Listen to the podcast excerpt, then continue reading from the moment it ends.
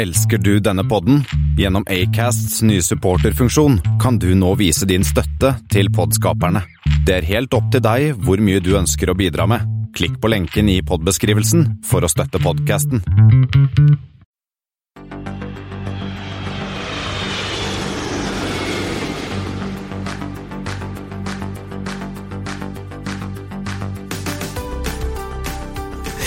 Hei og velkommen om bord på Flight 49 her fra Hvalstad Studios, hvor vi i dag alle er samla. Det har blitt 28. januar, og i dag skal vi snakke litt om eh, SAS, som har eh, kjøpt seg en, eller skal få levert en ny spennende maskin.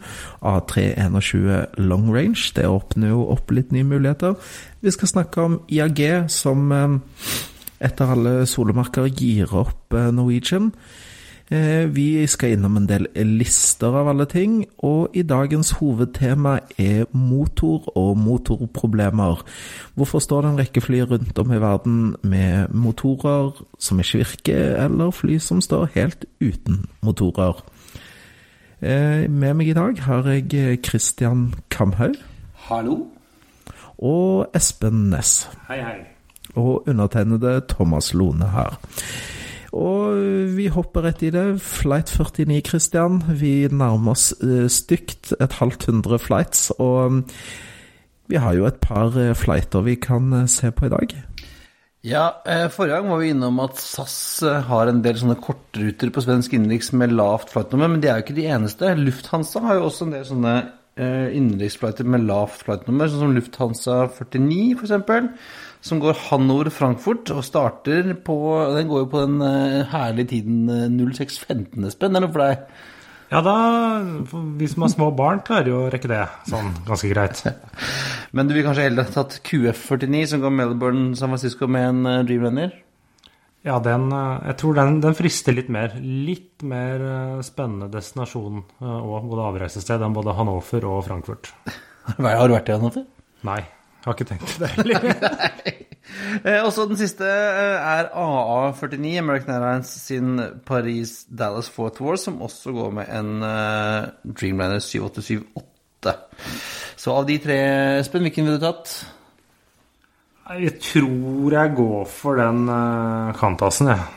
Litt, litt fordi jeg har ikke fløyet de før. Nei, jeg hadde tatt en, en tur til Dallas anytime for litt ordentlig herlig barbecue.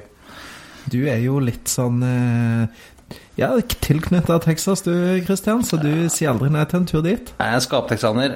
Jeg skal dit nå i mars, til Austin. og Det blir, det blir kjempebra. Det gleder jeg meg til. Yes, men eh, la oss hoppe rett inn i nyhetssakene. Og Espen, hva er det som har vært eh, talk of the town den siste uka? Ja, nå skal vi jo både innom begge våre to kalles de store hjemlige selskap, men vi begynner i dag med SAS, som da annonserte forrige uke at de hadde inngått en kontrakt for å få levert tre nye sånne såkalte Airbus A321 long range. Og ja, det kommer nå Det, det blir ikke så lang ventetid heller? Ca. et år? Ja, de, ifølge SAS så skal de i hvert fall første maskin komme våren 2020. Dette er jo maskiner som allerede har vært i bestilling. Det er derfor de har såpass kort ventetid. For de skal da leases fra et selskap som heter ALC, som jo er en av verdens største leasingselskaper. Air Lease Corporation, ikke det? Det stemmer. Og de har jo enormt mengde med både fly og bestillinger i, i flåten. Og så har jo da SAS sagt mye om hvor de har tenkt å bruke dem, eller lettere sagt De har vel ikke sagt noen ting? Nei, det er nettopp det. De har bare slengt ut masse steder. Sånn, denne har nok rekkevidde. For dette er jo det er et fly som kan fly langt, men det kan jo ikke fly like langt som de større maskinene. Så det er en begrensning i rekkevidden. Men de sier at dette har nok rekkevidde til å nå eh, som er et av de viktigste markedene for eh, SAS. Det kan også nå, de nevner Canada, Midtøsten og India fra Skandinavia. Så de er jo lite ja. konkrete. Og, men det de vil ha sagt, er vel at det er snakk om minst én ny destinasjon, og så er det minst én ny rute til en eksisterende destinasjon fra, altså til, fra en ny by. Så det har, litt, det har jo vært eh, spekulasjoner om det kan være Århus til kjøret til New York, for eh, Rikard Gustavsson har jo vært i Århus Ja. og snakket om at de skal få en New York-rute, og så Rik- kom den her etterpå. Rikard Gustavsen var i Århus og tok en Bjørn Kjos.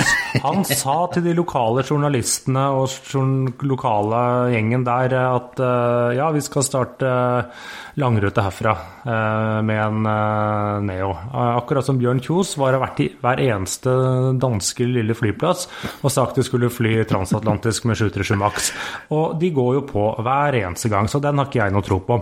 Det, men det har vært altså, Det er vel mest naturlig at når vi snakker om nordøst i USA, så er jo New York er jo den aller viktigste destinasjonen. Eh, Og det er jo flere byer fra Skandinavia som kunne ha kjørt, om ikke en, en widebody, så kunne de kjørt en, en sånn her. Ja, jeg kan se, kanskje, Bergen, Stavanger. kanskje Göteborg, men det man må huske på, da, i hvert fall når det kommer til Når man begynner å prate om disse små flyplassene til Jylland SAS er jo et eh, nettverksselskap. De, eh, alt er en sånn hub-struktur, spesielt da langrutene. Og det er jo det de som har eh, kanskje gått på en smell på disse langrutene, som ikke har helt fått det til, er jo at de har prøvd med liksom punkt-til-punkt-trafikk på transatlantisk. Det har jo ikke vært den store suksessen for noen heller. Og for all del er ikke det at jeg ikke unner de fra Åres en New York-rute, men jeg tror det er en eh, dårlig idé. Men man har jo det som veldig mange tror, er jo at den bl.a. kommer til å bli brukt på København-Boston.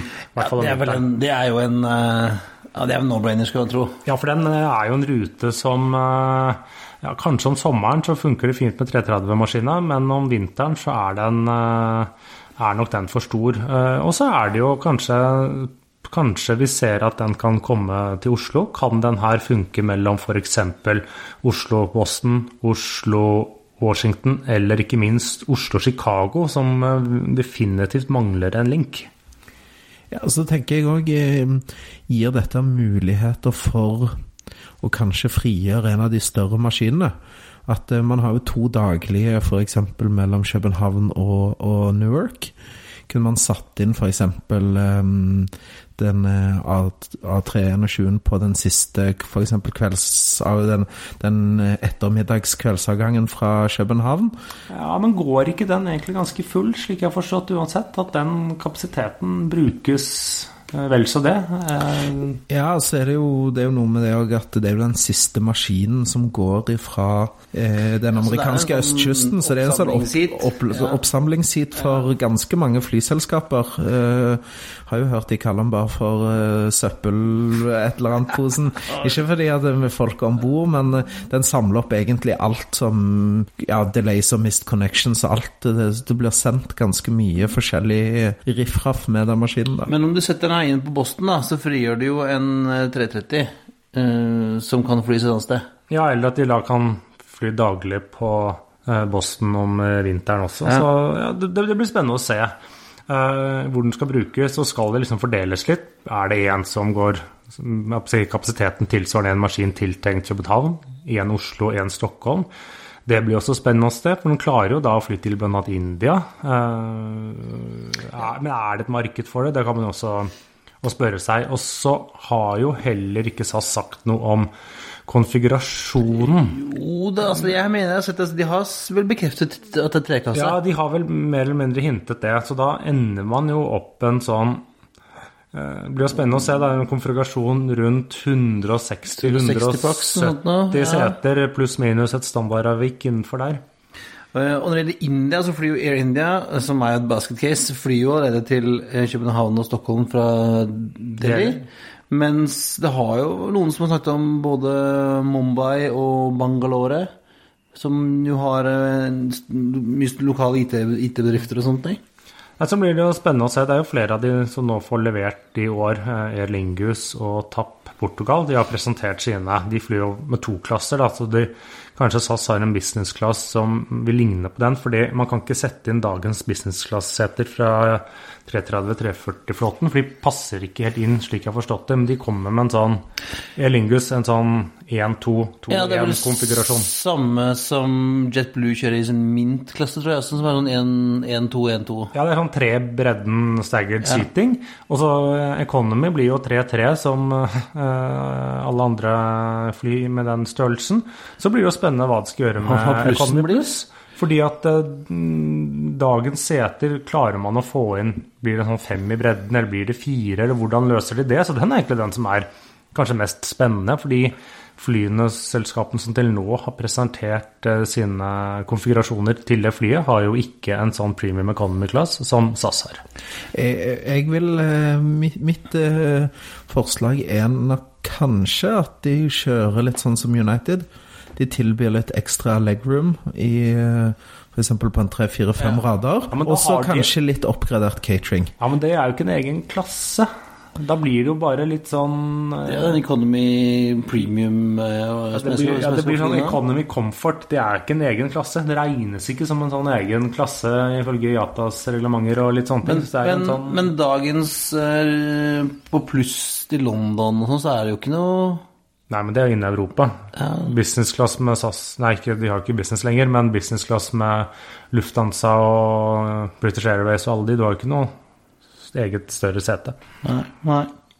Nei, vi får, får se. Altså, det finnes jo også var det noen som har sagt om Midtøsten, eh, og da var det sånn Ja, Dubai, men eh, altså, hvilken idiot er det som vil prøve som å gå, gå i konkurranse med, med Emirates og Norwegian på Dubai, liksom? Nei, da får du ingen, altså, du har jo ingen feed, du har jo ingen fordeler med å kunne fly denne. Nei, så jeg kan ikke se den heller. Og for et år siden så var jo Iran veldig hot. Da var jo sanksjonene borte.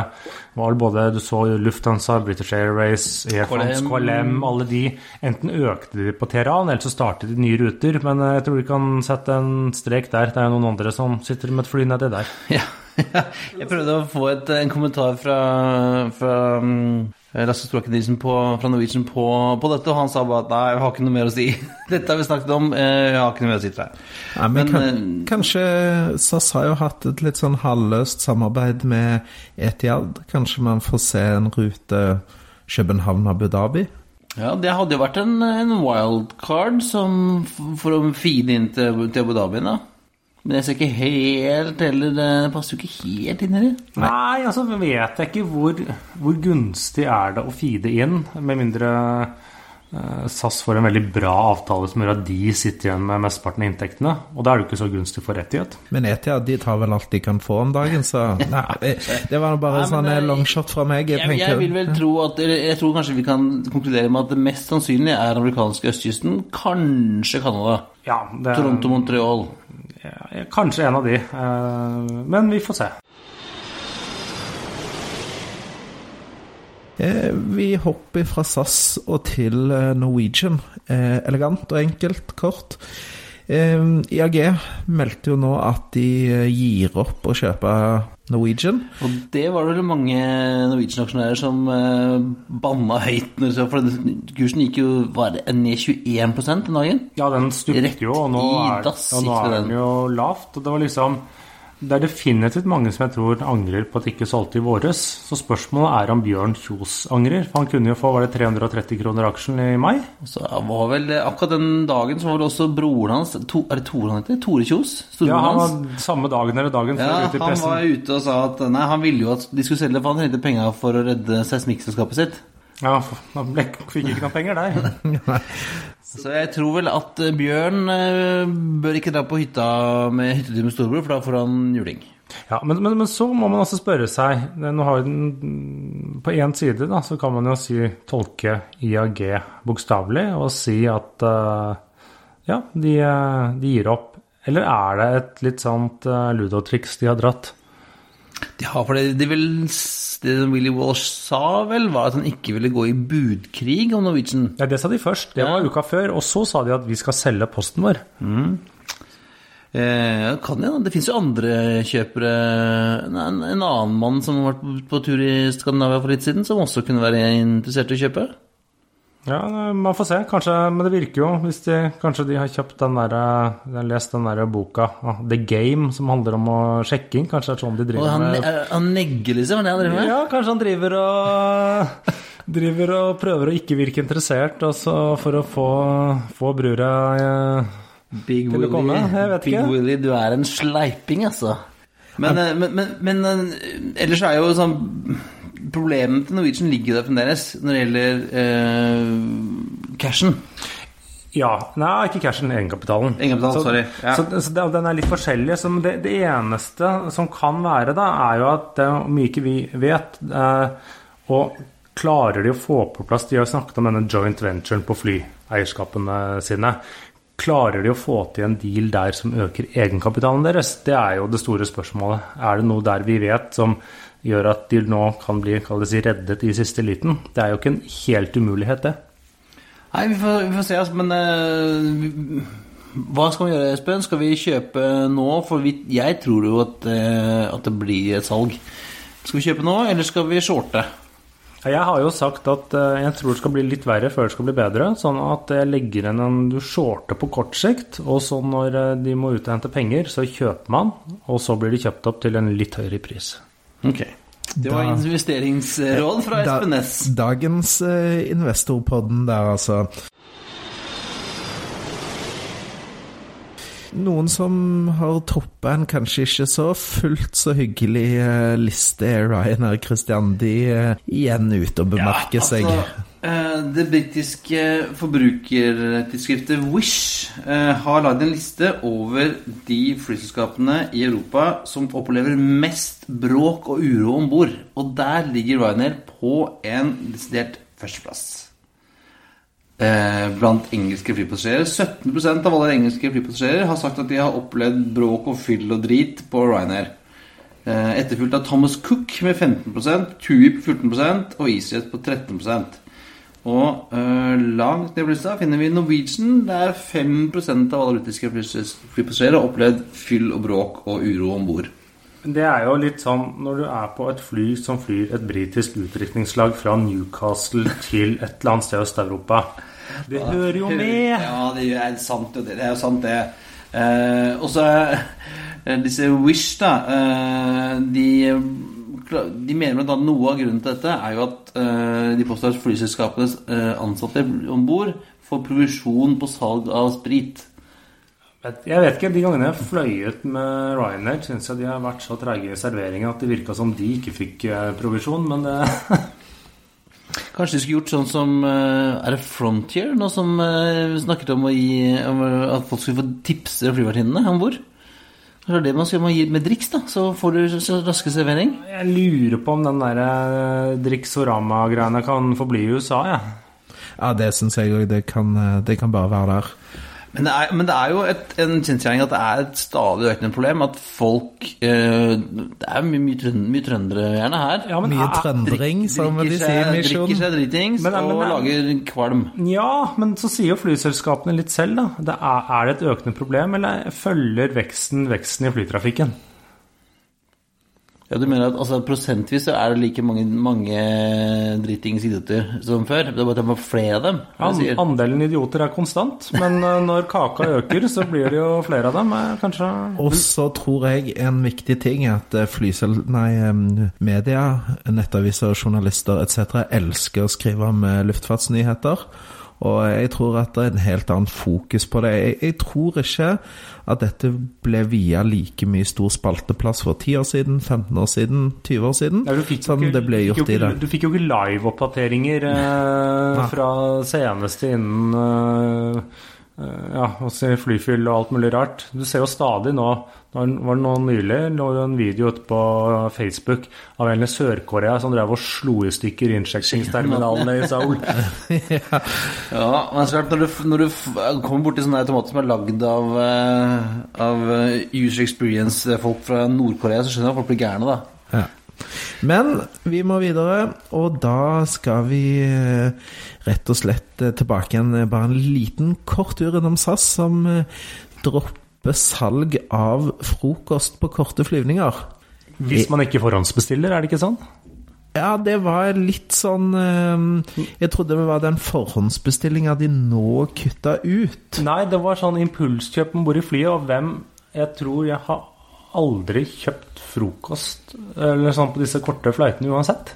Og jeg har inntrykk av at det er ikke så mange som har gjort det likevel. Hadde de solgt masse av den, så ville de vel ikke fjernet den? Nei, noe, de, noe de sier, er jo at de selger, slutter med det fordi at de vil unngå matsvinn. Og det kan jeg jo skjønne. skjønne eh, for de som sier det er ikke så mange som kjøper, og så går du med de derre eh, lefsen eller hva er det? Hva er det, hva er det frokost? Det er noen pakker, er ikke det? Noen liten sånn er rundstykke og er noe-?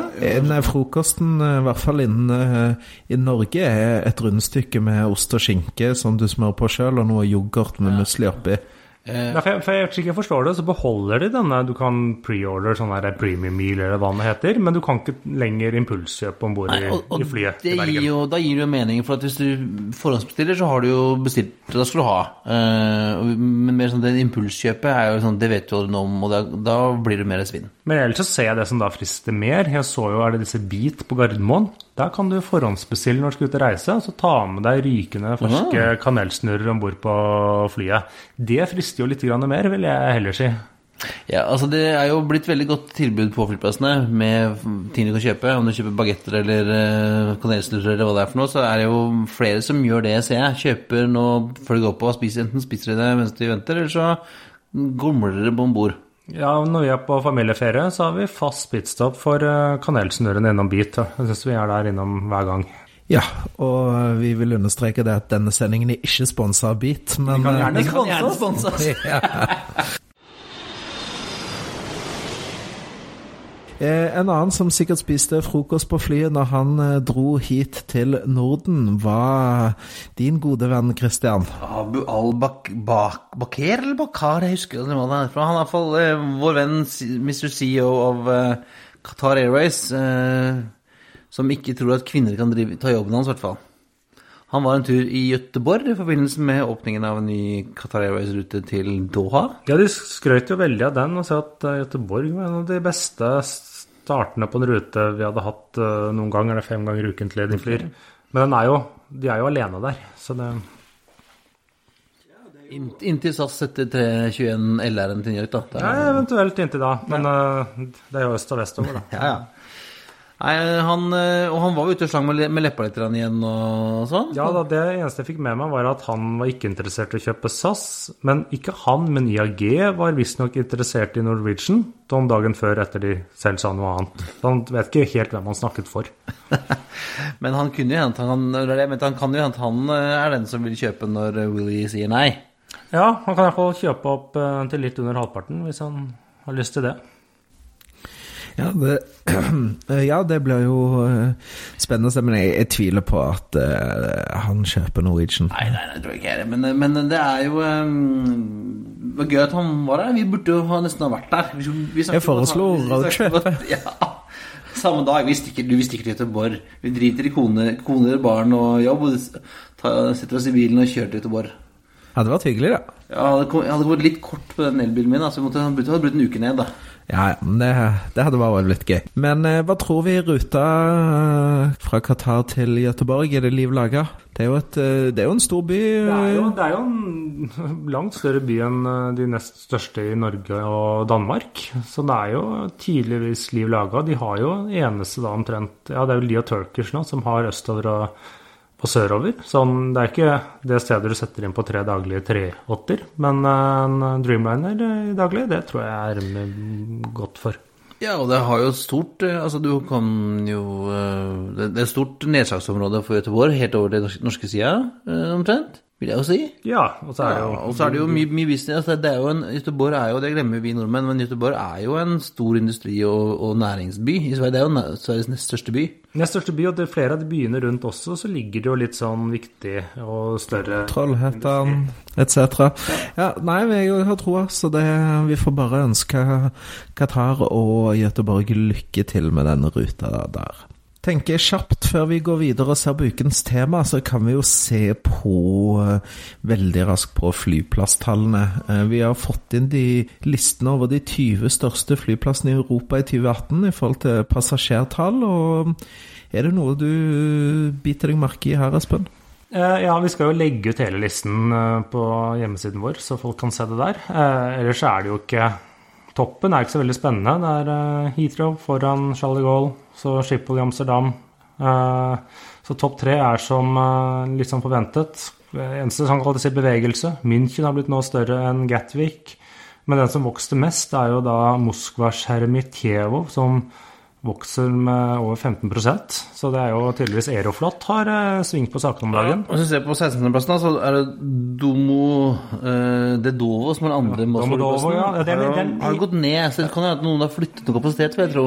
Ja, tydeligvis, men den ene, den ene øker jo med er det en seks millioner eh, passasjerer, mens den andre synker med én million, så nettoen er jo pluss. Men det, det var det jeg skulle til, også litt interessant, det er at Domodovo er den eneste da på topp 20 som har, eh, har en nedgang. Ja. Eh, og så eh, en liten ting. Oslo er jo da inne. De ligger på 19.-plass. Jeg lurer på om de var 18.-plass i fjor, og så ser det ut som Lisboa har gått forbi Oslo, for den vokser også kraftig med nesten 9 Eh, Og igjen, men en flyplass vi ikke finner på topp eh, 20-listen, det er Stockholm. Stockholm og Arlanda, ja.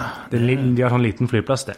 Ja, men altså, jeg var, jeg var jo i Stockholm nå i forrige uke, på Arlanda, og jeg må jo si unnskyld eh, til svenske lyttere, men det er jo skal, Av de tre største flyplassene i Skandinavia, så er jo det den dårligste. Det er jo ganske sunkig. Det er jo trangt og, og det- her er, altså, tenker København, som er åpent og lyst og fint for å ha shopping. Oslo er enda mer åpent og lyst og fint. Så kommer du til Arlanda, som er liksom litt sånn mørkt og trangt, og ganger her og dit. og... Nei, det, jeg kjente at jeg det, Velkommen til Øst-Europa. ja, Det er første gangen jeg har vært der på et år nå, et halvt år nå, og jeg kan ikke si jeg savna det så mye. Jo, ikke det, altså. Men eh, mens vi er inne på savnede eh, Vi har jo fått inn en savnedmelding her, har vi det, Christian?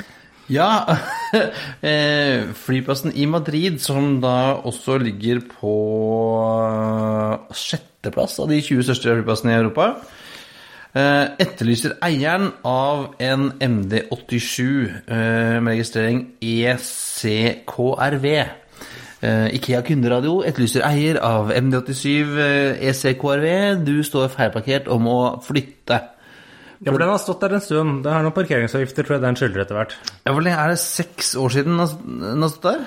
Eh, et eller annet altså, Den har vært innom flere eiere, og nå vet de ikke hvem som eier denne maskinen. eh, og de vil bli kvitt den. Jeg syns det er litt pussig. Du har et fly som har et registreringsnummer. Eh, Det må jo finnes noe eierinformasjon, men er det bare holdt på å si proforma-eierskap? Er det via, via, Noen via, kanskje? papirer hit og dit og sånn, og de har nå gått ut med en oppfordring til at eieren av dette flyet må komme come, Please come forward, eller så vil de selge det.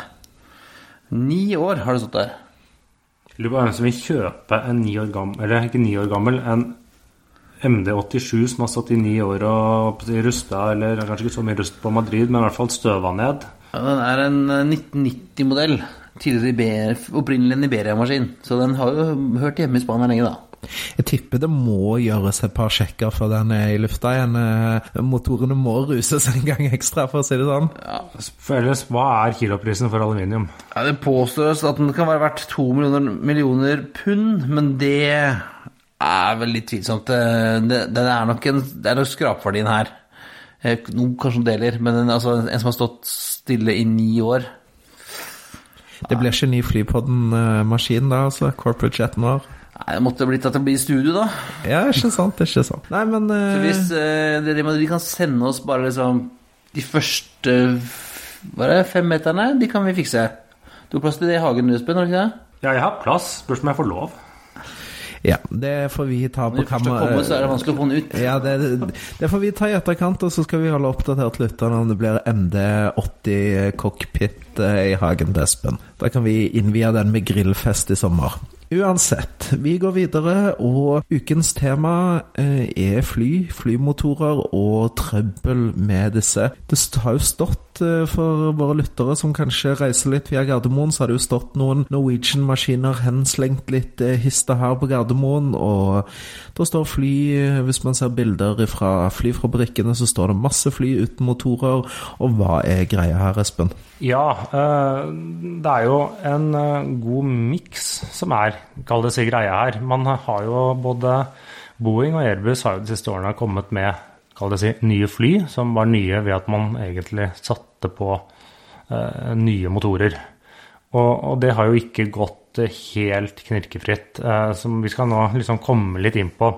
Man har jo sagt Airbus har jo da kalt sine fly da for Neo, New Engine Option. Eh, og det har jo da mange spøkefullt kalt da litt No Engine Options, når de har sett da titalls, opptil 50-60 fly som har stått da som sånne glidefly nede i Hamburg og Toulouse. Eh, og man har jo også sett noe av det samme for Boeing på Renten, hvor de lager 737-maskinene. Og i tillegg da, som du var inne på, Thomas, disse Dreamlinerne bl.a. til Norwegian som fløy, og så ble satt på bakken og stått på Gardermoen uten motorer. Dette høres jo litt rart ut, fordi at disse motorprodusentene de vet jo hvilke fly som er i bestilling, de vet hvor mange. Kontraktene på motorene er jo sikkert inngått for lenge siden. Er det problemer med å skaffe det, eller Er det mannskapet? Vet vi litt mer, liksom Hva er det rent sånn kallet teknisk det går i? Hva som gjør at de ikke klarer å levere de forpliktelsene de har? Ja, det, det er to kan du si, hovedårsaker. Det ene er rett og slett leveranseproblemer. De har lovet eh, for mye og ikke klart å øke produksjonen til å tilpasse etterspørselen og, og det de har lovet. Er det liksom just in time som ble sånn just, in, just litt for seint? Ja, det er i hvert fall very for seint. Eh, og så er det jo den andre, som vi kommer innom begge, men det er da rett og slett at de har fått motorer, fått levert motorer, og så har ikke motorene fungert. Eller de har gått i stykker, for å si det banalt enkelt. Men dette er jo ikke noe nytt fra um, flybransjen. Nå vet ikke jeg den gangen man uh, drev med bare propellfly og stempelmotorer og stjernemotorer. Det er kanskje det med ditt bord, Christian? de, men de, de, visste jo at det ikke funka alltid. Altså, Lockheed Constellation firemotors stempelfly var jo som verdens beste tremotorsfly, ble det kalt. Ja, var jo, de var jo notorisk uh, upålitelige, en del av disse. De stoppa jo, og Histara de stopper jo gjerne midt i lufta. Men uh, ja, hvis vi går litt videre, da, ikke bare tenker på stempelmotorer, så har det jo vært uh, 747, Espen. Den hadde jo ganske store problemer i forhold til eh, motorene. Ja, eh, der, det holdt jo rett og slett på å gjøre så Boeing i konkurs. Det er mange som kanskje ikke husker det, eller har opplevd det, de fleste av oss. Men da var det Pratt Whitney, det navnet går igjen litt etter hvert også. Men de eh, sleit da med å få levert eller få godkjent eller liksom få motorene sine i drift. Så det gjorde at det sto da ganske mange 747-maskiner eh, rundt 1969-1970 eh, i Seattle. Så mange av de flotte bildene som vi finner, ser, da, eh, dukker opp på nettet, eh, tatt fra lufta gjerne, av hele den lineupen utenfor utenborfabrikken, er jo da tydeligvis et ikke så veldig bra bilde. For det er fly som skulle vært levert, og ikke ble? Ja, for det var, eh, det var eh, store leveranseproblemer. Og det var jo rett og slett sånn at eh, Boeing måtte, måtte låne penger, desperat låne penger. Og de måtte stadig gå til bankene og be om mer og mer og mer penger. Og hadde da bankene sagt nei, så hadde det faktisk vært slutt på Boeing, sier ekspertene i ettertid. Og, og, men eh, nå løste jo det seg. Men så ser man at det har jo skjedd igjen. Og så hvis vi også må gå til da Locket L110 TriStar, som også er jo en eh, Åh, oh, for et flott fly. Åh, oh, Den er en av mine absolutt favoritter. Synd jeg aldri fikk flydd det. Nei, ikke heller. Men det fins vel en annen corporate igjen, eller ikke? Nei, jeg tror siste ble parkert Biman i Bangladesh fløy vel de Nei, de var siste med DC10, de. I DC10 var det, ja. Stemmer det. Stemmer. Men det som skjedde der, da, der gikk det jo faktisk en konkurs. Vi har ikke vært innom Espes Espens konkurshjørne, så da får vi ta det akkurat nå. For de hadde jo da gjort en avtale med at Rolls-Royce skulle få enerett til å produsere motorene til dem.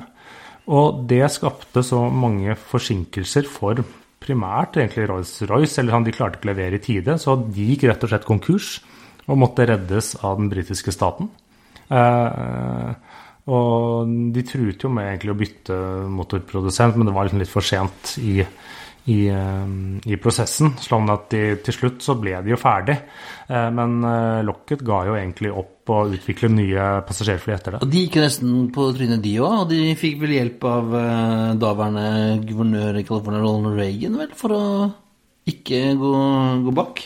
Og så var det sånn at denne motoren som Rolls-Royce eh, drev og lagde for eh, Lockheeden, var jo denne her eh, R B211, RB211.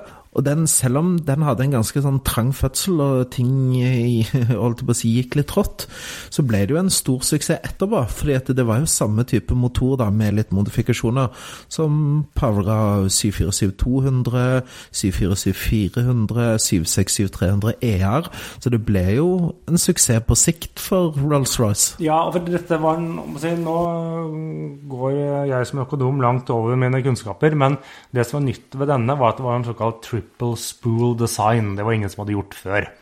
Kan du forklare hva en triple spool design er, Espen? Det er noe med tre, og så er det noe med turbiner, og så er det noe som snurrer rundt.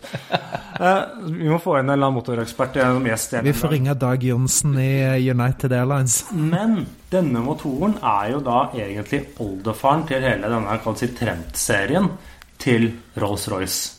Uh, som da uh, Airbus 330 har denne motoren. 350. 350 787, eh, 727 faktisk hadde den eh, blant de første versjonene sine, før det ble kun GE. Så denne har jo Den skapte jo grunnlaget for eh, Rolls-Royce sin eh, motorvirksomhet for widebodies, eh, riktignok eh, etter konkursen. Men sånn, den var jo noe nytt som ble værende. Men det er det vi Hvis vi går tilbake eller framover igjen da, til der vi er nå, så ser man jo mye lignende som skjedde. Hvis vi da begynner med da Pratt Whitney igjen, som vi var inne i stad, uh, som da har én av to motorleveranser til da 320 Neo. Så var det noe av det samme her. Det har jo stått da er det opp til det meste så sto det bare 60 eller 70 fly parkert i Toulouse og eh, Hamburg. flesteparten av disse Airbus 320-ene lages jo i Hamburg. uten motorer rundt omkring, for de ikke klarte å levere. Og det var jo flere årsaker til det. Det ene var rett og slett ikke få produksjon nok. Men motoren de lagde, var jo da fulle av feil egentlig fra dag én. Dvs. Si, når de først fløy, så leverte de jo bedre enn lovet når det kom til drivstofforbruk og, og den type ting. Bortsett fra jeg leste en sak om at Lufthansa de klagde over at den tok så lang tid å starte. Ja, det var, det, liksom, det var et av de problemene da var jo at først så fant de ut av at de eh, opplevde noe som heter rotor bow. Det er slik forstått at det er jo en aksel som mm. driver eh, denne motoren, og på, fordi et eller annet designfeil så gjorde den at under kjøling så bøyde denne seg. Oh.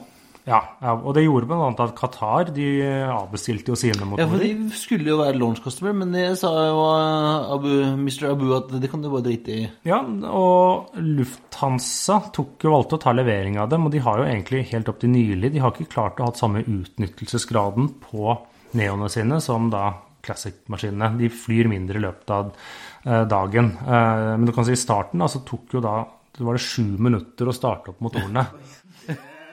Det var supert for, uh, for regularitet og punktlighet, tenker jeg. Ja da, så det er liksom eh, gjort den. Så det var rett og slett Og så, så, kan man spørre seg hvorfor fant de ikke dette ut under testing? Men så er det jo tydeligvis noe som skjer når de eh, lager det under Nei, når de tester det, at det er ikke det samme som den vanlige driften. Men det som er litt sånn spesielt med denne motoren, var jo at den kommer med sin, ny teknologi. Den var sånn geared turbo-fan. Turbo ja. Og det har jo fungert. Men alt det andre som var liksom velprøvd Hvis vi kan jo gå videre, hva som også skjedde, var jo at eh, de har slitt med bl.a. Eh, ikke korrosjon, men slitasje. Spesielt hvis du flyr i forurensede miljøer som India. Da har liksom motorene blitt eh, veldig fort slitt. Og så gjorde de litt sånne forbedringer, bl.a. for å dra ned drivstofforbruket. Noe som heter knife edge seal. Det er sånn som et eller annet sted Nå kommer teknikeren igjen der. Nå har du veldig ut på, på, det er, ja, Dette er nede inni kompressorene der, som skal hindre at noe luft uh, ikke går der den skal. Uh, men den var tydeligvis ikke nok testet, den heller, som gjorde at de måtte uh, Blant annet flere da måtte ha motorbytter. Og problemet er at da måtte du jo lage motorer som til å brukes til eksisterende fly. Og da de nye flyene fikk jo ikke da noen motor. Nei. Ja, det, men det som jeg syns er sånn, Da sier vi ler litt av problemene og, og, sånn, men bank i bordet, da, og kanskje best for alle parter, så er det jo det er ingenting som har gått til helsike in flight her, da. Det er jo ting som på en måte Det er ikke noe sånn, sånn, sånn strukturelle ting som plutselig en motor detter av eller eksploderer, eller ja, Du har hatt nedstengninger på denne, og det, det, kan vi jo gå tilbake til, for det var jo det man bl.a. opplevde på 787. For der var det jo ikke noe problem med produksjonen. Men der var det jo en av disse Rolls-Royce-modellene som plutselig begynte å gå litt i oppløsning, eller bladene i lufta, pga. at de begynte å, å å ja, korrosjon hadde begynt å få disse bladene til å knekke, eller hva skal jeg si, sprekke opp. Det, og det er ikke greit når du har blader som roterer kanskje i ja, opp mot, ja, opp mot over lydens hastighet. Er- Da får du ganske hurtige prosjektiler som suser rundt omkring der. Og det er jo derfor da man har sett da disse Norwegian-flyene bl.a. stå på Gardermoen uten motorer. For da har man da eh, økt Man har sagt ja, dere kan fly med dem, men dere må sjekke dem vet ikke, var det tre ganger så ofte som tidligere. Og så er det et eller annet sånt, da kan du bare fly så og så lenge, og så må den sjekke, eh, sjekkes. Men om du ikke har en ny motor å sette på, eh, men bare den gamle som var i ferd med å gå i stykker, så står man jo der uten, uten en velfunger, uten motor. Og så er det jo sånn at disse det her, er, det er den tekniske ekspertisen, Espen. Nei, hvis du har kjøpt en Dreamliner med eh, Rolls-Royce-motor, så kan du ikke bytte til en Platinum Whitney-motor. Er det sånn? Ja, eller, GE, som er andre eller GE, da. leverandør. Ja. Altså, er sånn, det er vel sånn at Har du kjøpt et fly med en sånn motor, så kan du ikke bare bytte den motoren. Nei, du kan bygge det om, men det er dyrt og vanskelig. Det er et eller annet motorfestene som selvsagt ikke passer om hverandre. Og datasystemer og interfacer og den type ting. Det var jo jeg tror det var 777 under sertifiseringen av den, så drev de på noe med det. Ja, de, de forsøkte. Man har bytta, man har bytta motorer. Eh, blant annet gjør Airbus det nå på sertifiseringen av den E319 Neo, for å slippe å bygge to prototyper. Så derfor eh, Så har de tatt en gammel eh, 319? og Nei, en ny. De sertifiserte den først med Leap-motoren. Og så nå driver de skal, eller skal bygge den om, så den kan eh, sertifiseres med Pratt Whitney-motoren. For å liksom få ned kostnadene på et fly som ikke selger. Ja, det, det, det, men det er en annen sak, Espen. Det er en annen sak. Men det har jo også vært, eh, i forhold til AT329, nå hopper vi litt sånn frem og tilbake, så har det også vært en del eh, vibrasjoner, og spesielt når man har brukt mye trøst, så, så har eh, motorene, disse Platten Whitney 1100-motorene, da har de begynt å riste litt sånn grådig, og det har heller ikke vært helt eh, heldig. Og, og Lufthansa grounda jo også en Neo, eller noen av Neo-flåten sin på grunn av disse vibrasjonene. Gjorde du ikke det? Jo, jeg har forstått det sånn. Så det er som sagt da disse ja, problemene som da har gjort at liksom motoren har blitt slitt. da, Og da en del av som kan skje da, er vel da rett og slett sånne vibrasjoner og, og problemer med å kjøre dem. Sånn at de har liksom Holdbarheten har jo vært under enhver kritikk. Så det er veldig billig øh, altså å kjøpe drivstoff til de, men det er ganske dyrt å bytte motor, motor hele tiden, da. Ja, og det, og det har man jo sett også selv. eh, eh, Pratt Whitney har levert samme forskjellige størrelser av motorene, bl.a. man så på da Airbus A220 eller C-Series. Um, opplevde forsinkelser mye pga. motorene, men det dekket vel over et par andre problemer. Og Widerøe sine Embraer, sånne E2-maskiner, de ble jo levert med litt sånn B-vare. Så de fløy et halvt år med de motorene de fikk, og så kom enten Embraer eller Pratt Whitney eh, kjørende med noen nye motorer eh, til dem og bytta dem. Ja, De ble vel bytta i fjor i oktober-november, tror jeg det var. Men det visste, det visste man, dette var såpass klart at det visste videre når de fikk dem. Så de tenkte liksom, eller man ble enig at det er bedre å ta fly i drift, så får dere en ny motor om et par måneder. Men det her er jo veldig dyrt. Ja, en motor er jo det dyreste Ja, på flyet. og, og, og det, alle nedetidene og Rolls-Royce måtte betale Norwegian milliarder eller noe for, som erstatning for uh, Jeg er, us jeg er usikker. Uh, Det er, det er på det tallet som noen har snakket om. jeg har fått snakket om, men jeg har ikke sett noe offisielt på det. Og at det er jo eh, alle, både Boeing og uh, som setter på den 737 Max også, hvor det har liksom har vært sånne småting. Den har levert bra på drivstofforbruk, egentlig, men så har det også vært litt sånne eh, også fra da C5, hvor det har vært litt sånne uh, småproblemer. Det var et eller annet sånn ventil som måtte stoppe, og brukte litt mer drivstoff, i tillegg til da liksom leveransene. Eh, SAS har jo valgt da C5-motorer på sine 320 Neo, og de har jo ligget er det en en, to, tre måneder jevnt over forsinket i leveringene. Og øh, det var, for noen uke siden så hadde jo Flight International hadde en stor artikkel om eh, A320 Neoene og utfordringene der. Og SAS var en av de selskapene som de hadde spurt, som ikke ville uttale seg. Det var nesten ingen selskaper, bortsett fra Lufthansa og et par til, som hadde lyst til å si noe om eh, eh, hvor, eh, hvor fornøyd eller lite fornøyd de var med A320 Neo. Så det sier jo sitt. Og det, ja, det, det er jo at Når du ikke vil uttale deg om du er fornøyd eller misfornøyd, da det, så Hva man i kommunikasjonsbransjen sier, da Det betyr vel at du ikke er så jævlig fornøyd, da. Ja, men du kan jo si salget, og de selger jo fortsatt som hakka møkk. Det taler jo litt for seg, da. Jo, men jeg vil tro at alle har vel en oppfatning om at dette, dette er noe de fikser. Det har, Dette Ja. har skjedd før. Eh, og det er jo noe av grunnen til at ingen egentlig er så veldig keen på å være launch customer, for da får du alt den første driten. Det, det er jo som meg, at hver gang da jeg har en iPhone, og hver gang det kommer sånn der nytt Er det IOS? IOS-oppdatering, så Ja. sier du nei. Nei, ikke alltid, men det, det kommer gjerne en gang i året, eller noe sånt, og så kommer det da helt ny. Da venter jeg alltid til liksom 10.2 eller 11.2 kommer. Aldri ved Aldri første. 1-versjonen. Nei, nei, Nei, nei. nei. Sånn gidder ikke jeg. Så, så vi har vel et håp om at både eh, A320 Neoene og 727 Maxene og Dreamlinerne og eventuelt eh, nye maskiner som kommer, etter hvert blir bra, da. Ja, det, det er sånn, de maskinene som er nå, de, dette kommer til å løse seg, det kommer til å bli bra. Og så skal det jo lanseres noen nye flytyper, og så kommer det til å sikkert skje igjen. Det, det tror jeg òg. Sånn avslutningsvis så, så, så husker jo vi Det var jo noen episoder siden så snakket vi om e-tops.